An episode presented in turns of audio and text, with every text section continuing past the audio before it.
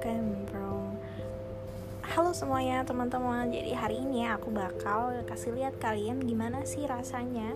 Um, Kalau kita misalkan ingin memulai sesuatu Tapi kita agak ragu Karena memang kita masih merasa diri kita belum mampu Belum siap atau masih ada yang lebih bagus.